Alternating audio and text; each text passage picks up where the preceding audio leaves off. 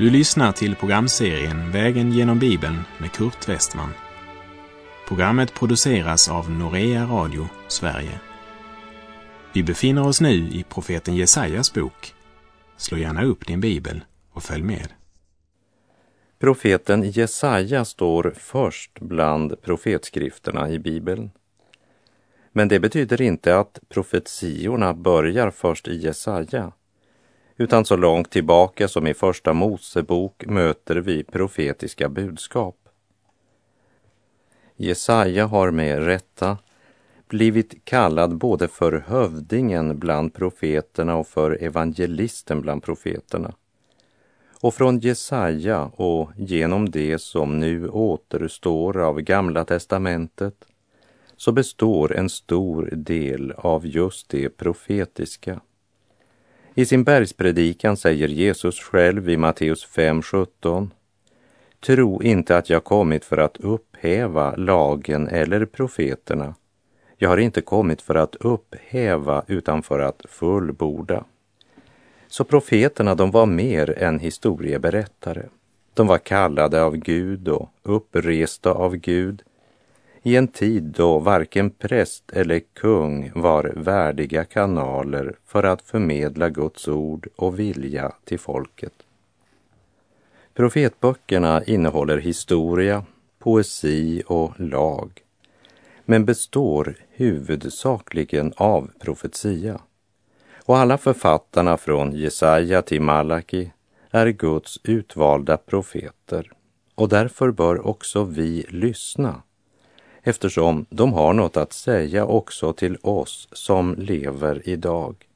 Man har i senare tid gjort en konstlad indelning av profeterna genom att kalla dem för de stora profeterna och för de små profeterna. Men för min del anser jag att alla profeterna tillhör de stora profeterna eftersom de alla har ett viktigt budskap. Men Indelningen var väl gjord med tanke på de respektive böckernas längd och inte med tanke på innehållet. För en del av de korta profetböckerna är som en atombomb, små, men innehåller en oerhörd kraft. Och dessa profeter talade inte bara om sånt som skulle komma i en avlägsen framtid. De talade även om sånt som var mycket nära förestående och de var tvungna att tala på det sättet för att kvalificera sig själva och sin profetiska gärning för Gud efter de regler som gällde under lagens hushållning. Och regler och normer för präster, kungar och profeter finner vi i femte Mosebok. Och lägg nu märke till vad som sägs om profeten i femte Mosebok 18, verserna 20 till och med 22. Men den profet som är så förmäten att han i mitt namn talar vad jag inte befallt honom tala, eller som talar i andra gudars namn, den profeten skall dö. Och om du säger vid dig själv, hur skall vi känna igen det som inte är talat av Herren? Så må du veta, när profeten talar i Herrens namn och det som han har talat inte sker och inte inträffar, då är detta något som Herren inte har talat. I förmätenhet har då profeten talat det, du ska inte frukta för honom. Om den aktuella händelsen inte skedde precis så som profeten hade förutsagt, fick han genast etiketten falsk profet och blev också behandlad som sådan.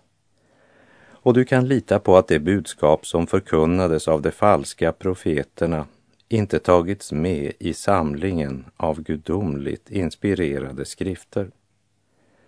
Profetböckerna flödar av budskap som in i minsta detalj redan har blivit uppfyllda.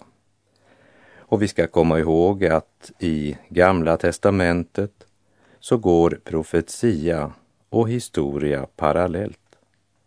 Jesaja bok kommer som den första i raden av profetiska böcker, vilket egentligen passar bra eftersom Jesaja står fram som en mycket klart lysande stjärna bland alla de olika profetskrifterna.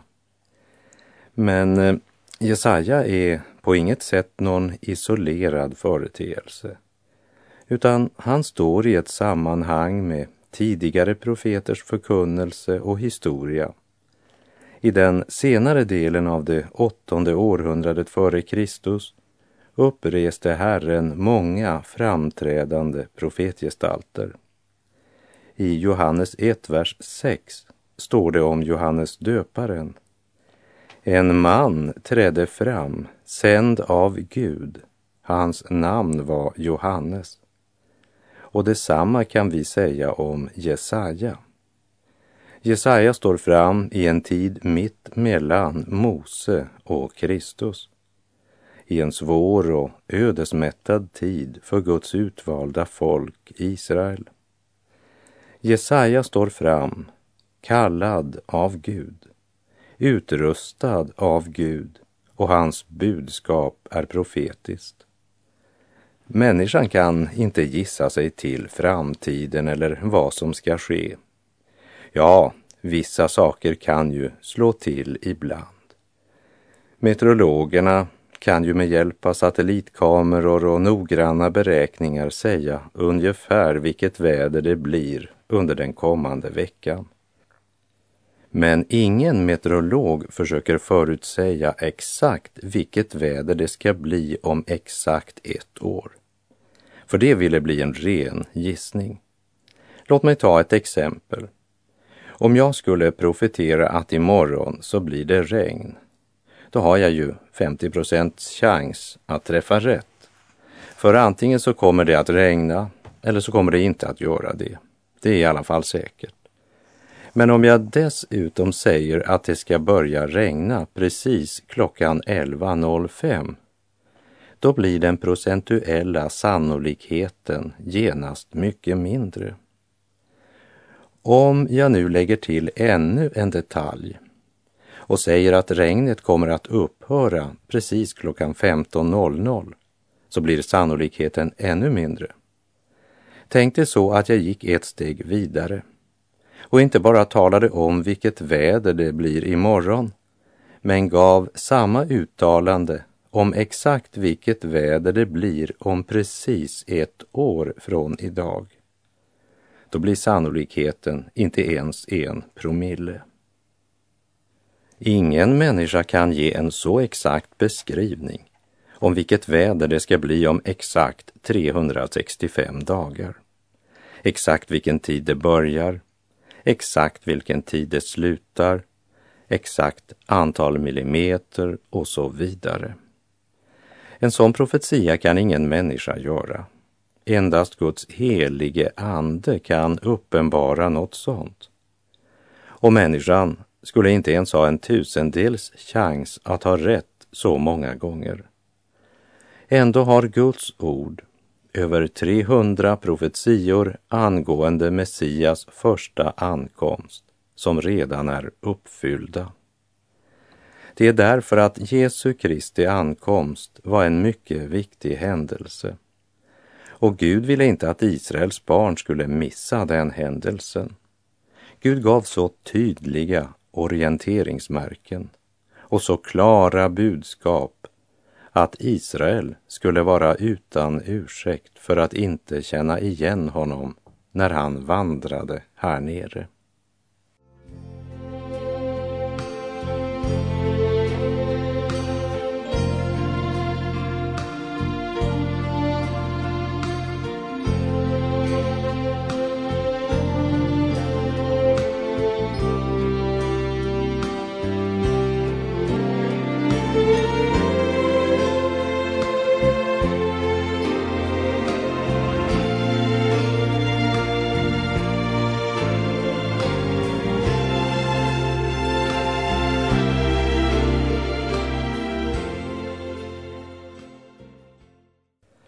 Skriftlärda och fariseer, de hade all den information de behövde. Och när vise män kom från Österns länder och berättade att de hade sett hans stjärna och nu hade kommit för att hylla den nyfödda konungen, så skulle de ha begett sig till Betlehem med en gång. Men även om de utifrån profetskrifterna kunde berätta för Herodes att det var i Betlehem han skulle födas, så hade de inget intresse av att själva resa dit. Ändå hade de i alla år gått och inbillat sig att de väntade på den utlovade Messias. Men de hade ingen gemenskap med Gud. De var bara aktiva i en religiös organisation och var mera upptagna av vilken gruppering de tillhörde än av att själva få se Messias. Profeterna stod fram med sin gudomligt givna budskap. De gick till rätta med folkets synder och tillrättavisade hög som låg. De vädjade till ett stolt folk att ödmjuka sig själva och vända om till Gud. Och deras budskap var blandat med eld och tårar. Det ropade i mörkret om det stora ljuset. För mitt i syndens natt skådade de i anden rättfärdighetens sol som skulle gå upp med läkedom under sina vingar. Och om vi ska få en sann bild av det kommande Kristi rike så måste vi känna till Gamla testamentets budskap, hoppets rötter och tolka budskapet om det som ska komma utifrån det som tidigare profeterats i Gamla testamentet. Profeterna var inga supermän, utan det var människor med samma natur som du och jag. Men de var sända av Gud, utrustade av Gud. Och deras budskap är än idag Guds inspirerade ord vilket också bekräftas om och om igen av det nya testamentet. Petrus skriver i sitt första brev kapitel 1, verserna 10 till och med 12. Det var denna frälsning som profeterna sökte och forskade efter, det som profeterade om den nåd som ni skulle få. Det undersökte vem eller vilken tid Kristi ande i dem visade på när han förutsade Kristi lidanden och den härlighet som skulle följa. Och det blev uppenbarat för dem att det inte var sig själva utan er de tjänade med sitt budskap. Detta har nu förkunnats för er genom dem som i den helige Ande, sänd från himlen, predikade evangeliet för er. Vi ska också ta tid att läsa sju verser från Petrus andra brev, kapitel 1, verserna 15 till och med 21. Men jag vill göra det jag kan för att också ni efter min bortgång alltid ska kunna minnas detta. Det var inte några utstuderade myter vi följde när vi förkunnade för er vår Herre Jesu Kristi makt och hans ankomst utan vi var ögonvittnen till Jesu Majestät. Ty han blev av Gud Fadern ärad och förhärligad när en röst kom till honom från den upphöjda härligheten. Denne är min son, den älskade, i honom har jag min glädje. Den rösten hörde vi själva från himlen när vi var med honom på det heliga berget. Så mycket fastare står nu det profetiska ordet för oss. Och ni gör rätt i att hålla er till det som till ett ljus som lyser på en mörk plats. Tills dagen gryr och morgonstjärnan går upp i era hjärtan. Framför allt ska ni veta att ingen profetia i skriften har kommit till genom någon människas egen utläggning Ty ingen profetia har burits fram genom någon människas vilja, utan ledda av den helige Ande har människor talat vad de fått från Gud. Det profetiska ordet visar oss att Gud genom en och samma händelse kan berätta ett folks historia, förkunna sitt budskap, kalla till frälsning och förutsäga vad han ska göra. Och inför det profetiska ordet ska vi komma ihåg att den gyllene regeln för att gripa dess innehåll är inte att använda vårt intellekt, men att vara lydiga och handla i tro. Och den heliga Andes största uppgift idag i Guds församling är att förklara och levandegöra Kristus i ordet. Och i Lukas 24, där det berättas om hur Jesus gick tillsammans med två av Jesu efterföljare som var på väg till Emmaus, så står det i Lukas 24, 27. Och Jesus började med Mose och alla profeterna och förklarade för dem vad som var sagt om honom i alla skrifterna.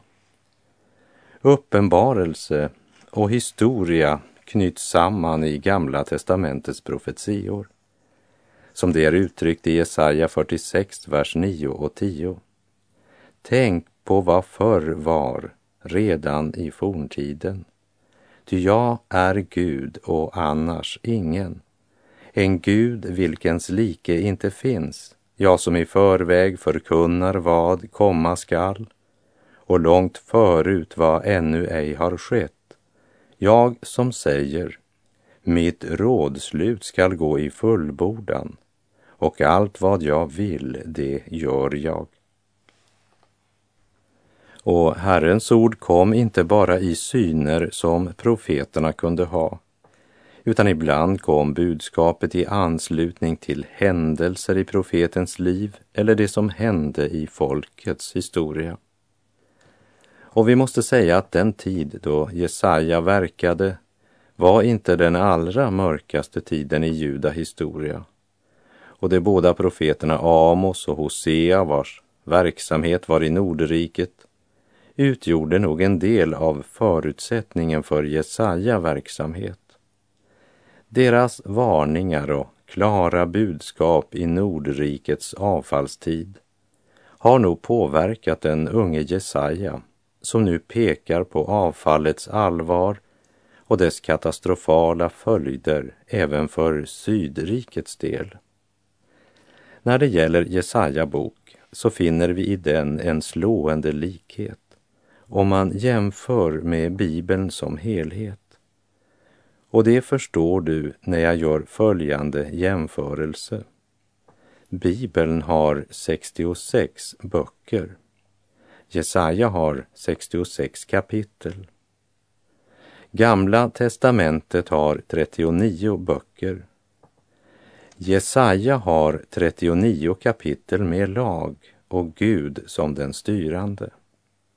Nya testamentet har 27 böcker Jesaja har 27 kapitel om nåd och om Guds frälsning.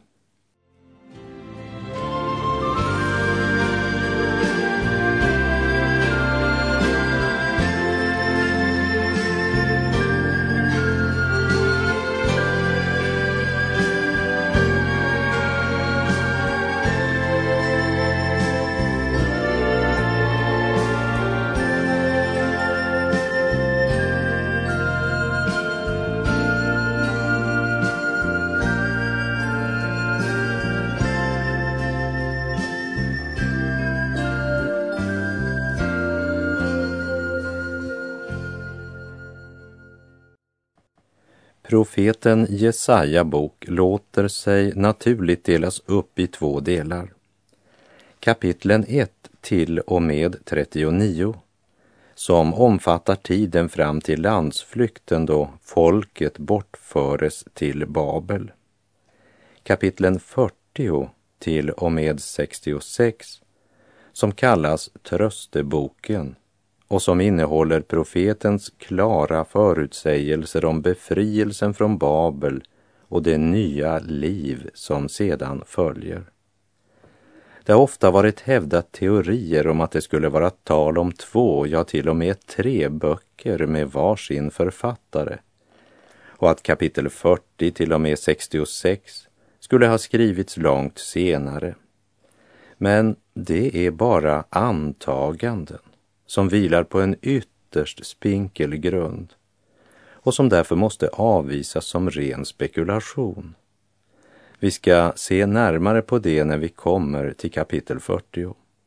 För i kapitel 40 börjar uppenbart ett nytt avsnitt i profeten Jesaja bok, nämligen den så kallade trösteboken. Det är uppenbart att det där rent historiskt rör sig om en helt annan tid. Och kanske är det det som har fått några att tro att det måste vara en helt annan författare som skrivit detta senare och vars namn är okänt. Man talar därför om den andre Jesaja, Deutero Jesaja, det vill säga hemkomstprofeten som då skulle ha levt på den tid då folket befann sig som landsflyktiga i Babylon. Men att det skulle förhålla sig så, det är ingen tvingande nödvändighet. Och den avgörande orsaken till att man kommit med sådana teorier, det är ju att man betraktar det som närmast otänkbart att en profet skulle kunna förutsäga händelser som ligger flera hundra år in i framtiden. Och så göra det med sådan noggrannhet. Så att till och med namnet på den store befriaren, den persiske konungen Kyros eller Kores, omnämns. Men rör det sig verkligen om en sann profet?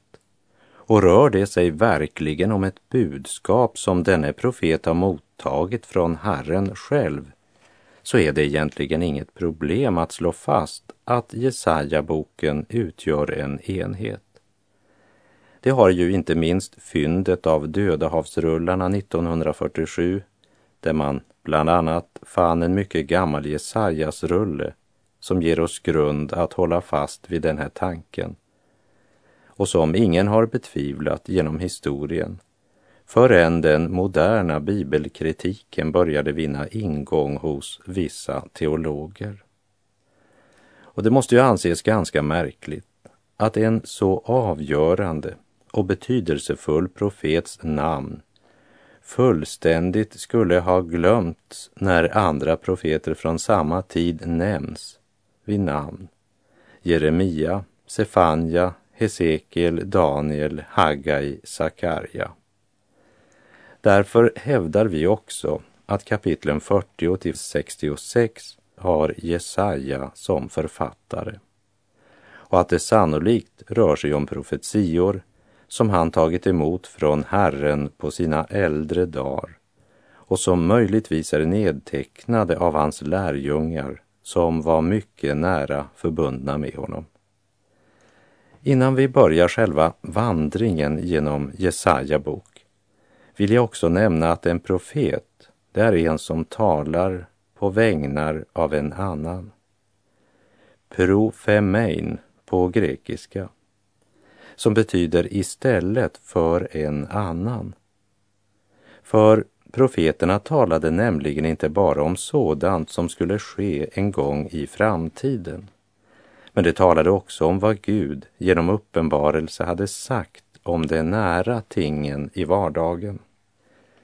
Det handlar alltså både om förutsägelser och om förklaring. Förklaringen begrundade både Guds ingripande här och nu och redogjorde dessutom för bakgrunden för det som skulle ske i framtiden.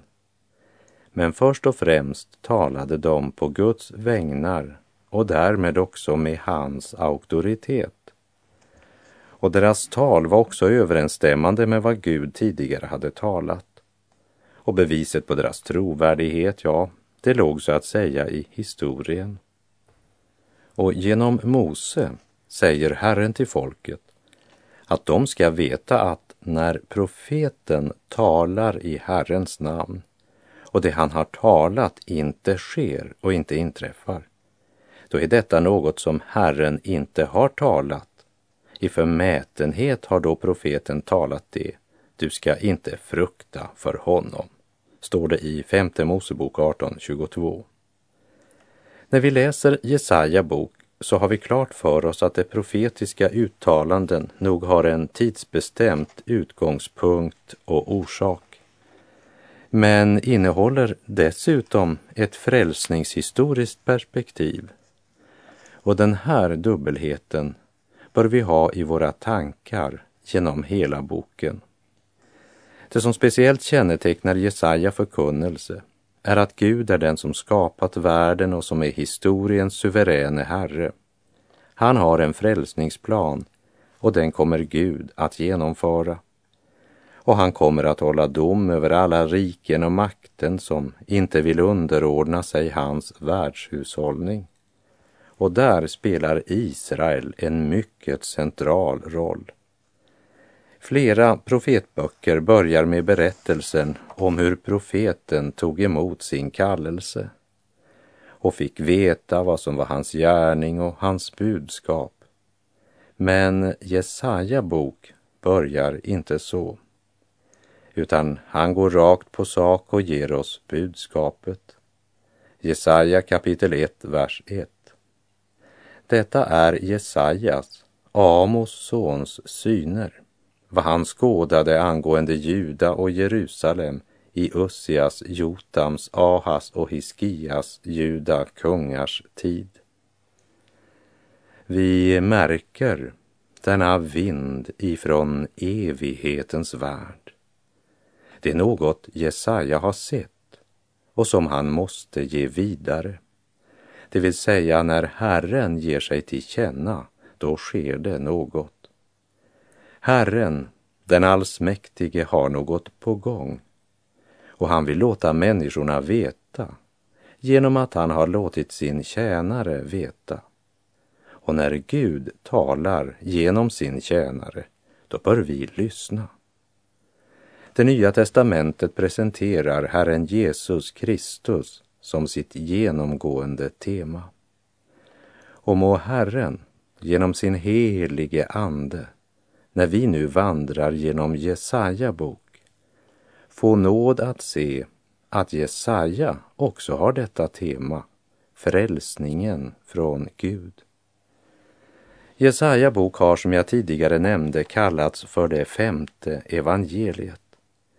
För här möter du Kristi jungfrufödsel, hans person, hans liv, hans död, hans uppståndelse och återkomst.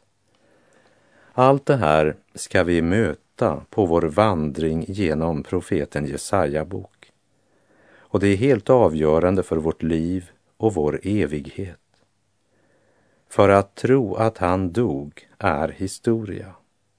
Men att tro att han dog och uppstod för dig, det är frälsning och evigt liv.